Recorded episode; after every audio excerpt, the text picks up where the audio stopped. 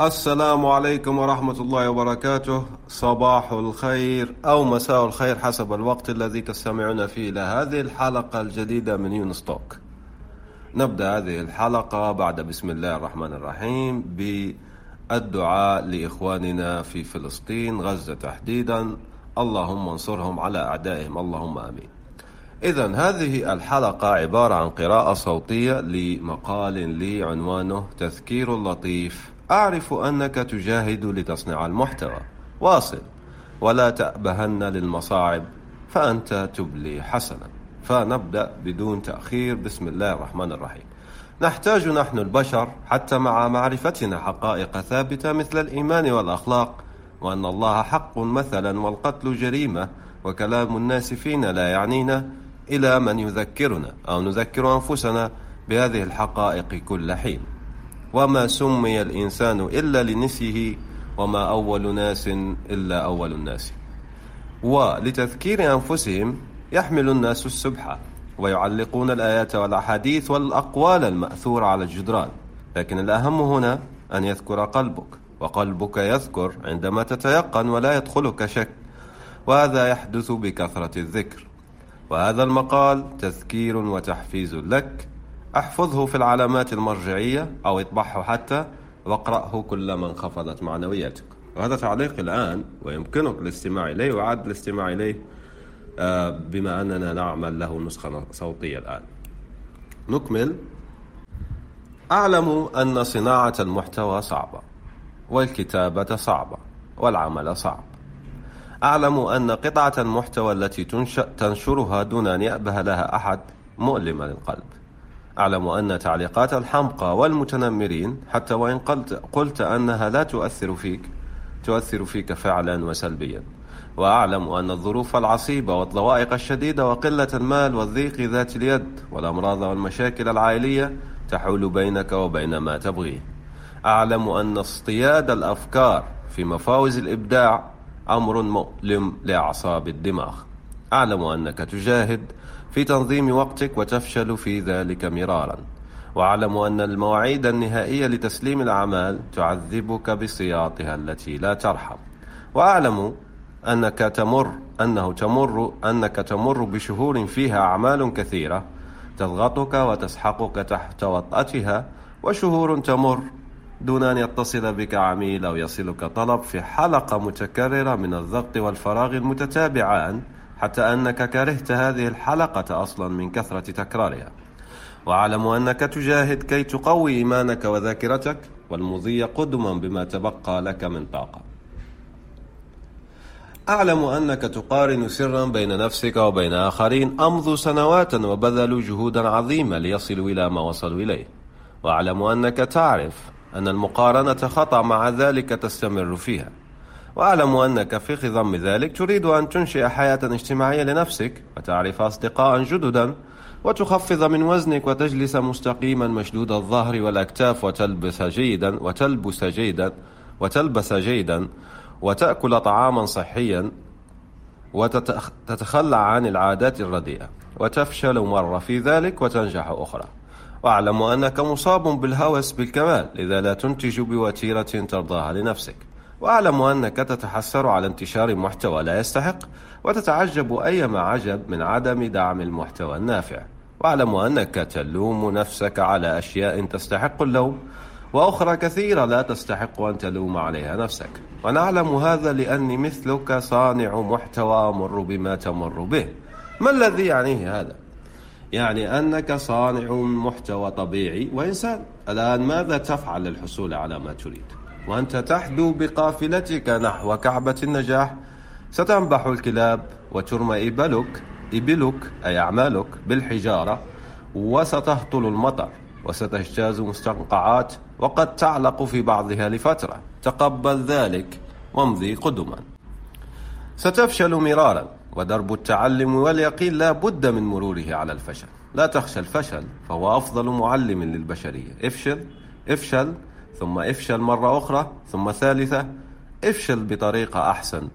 هذه المرة. سيأتي, سيأتي نصيبك من حظ ونجاح وبلوغ المقاصد وقت ما حدده الحق تعالى لا أنت. هو يفعل ما يشاء ويختار سبحانه. تقبل ذلك لكن ليس على مضض بل, بل, بل بمحبة وفهم. وحتى إن لم تفهم ارضى بقلبك فهذا سيجعل الانتظار فرحة. وبلوغ المقاصد فتنال وأنت كنت مشتاقا لمثقال ذرة من فرحة فرحتان كاملتان لا واحدة.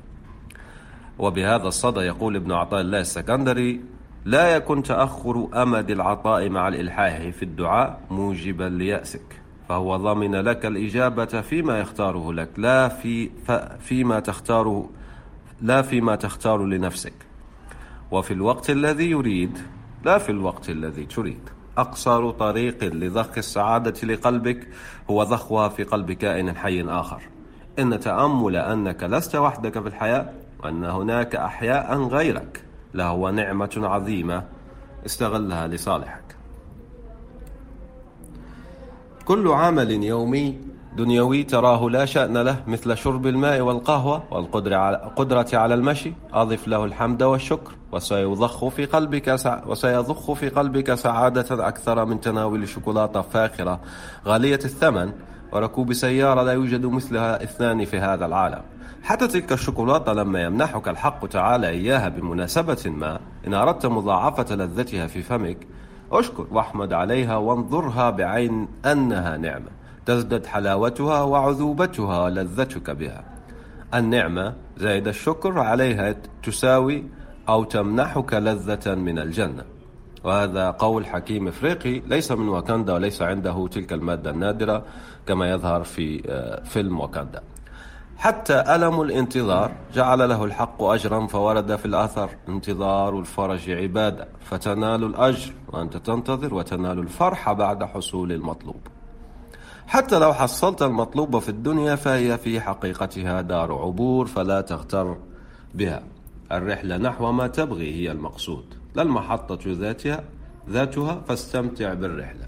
أحب نفسك لأنك مخلوق من رب جميل والصنعة تدل على الصانع.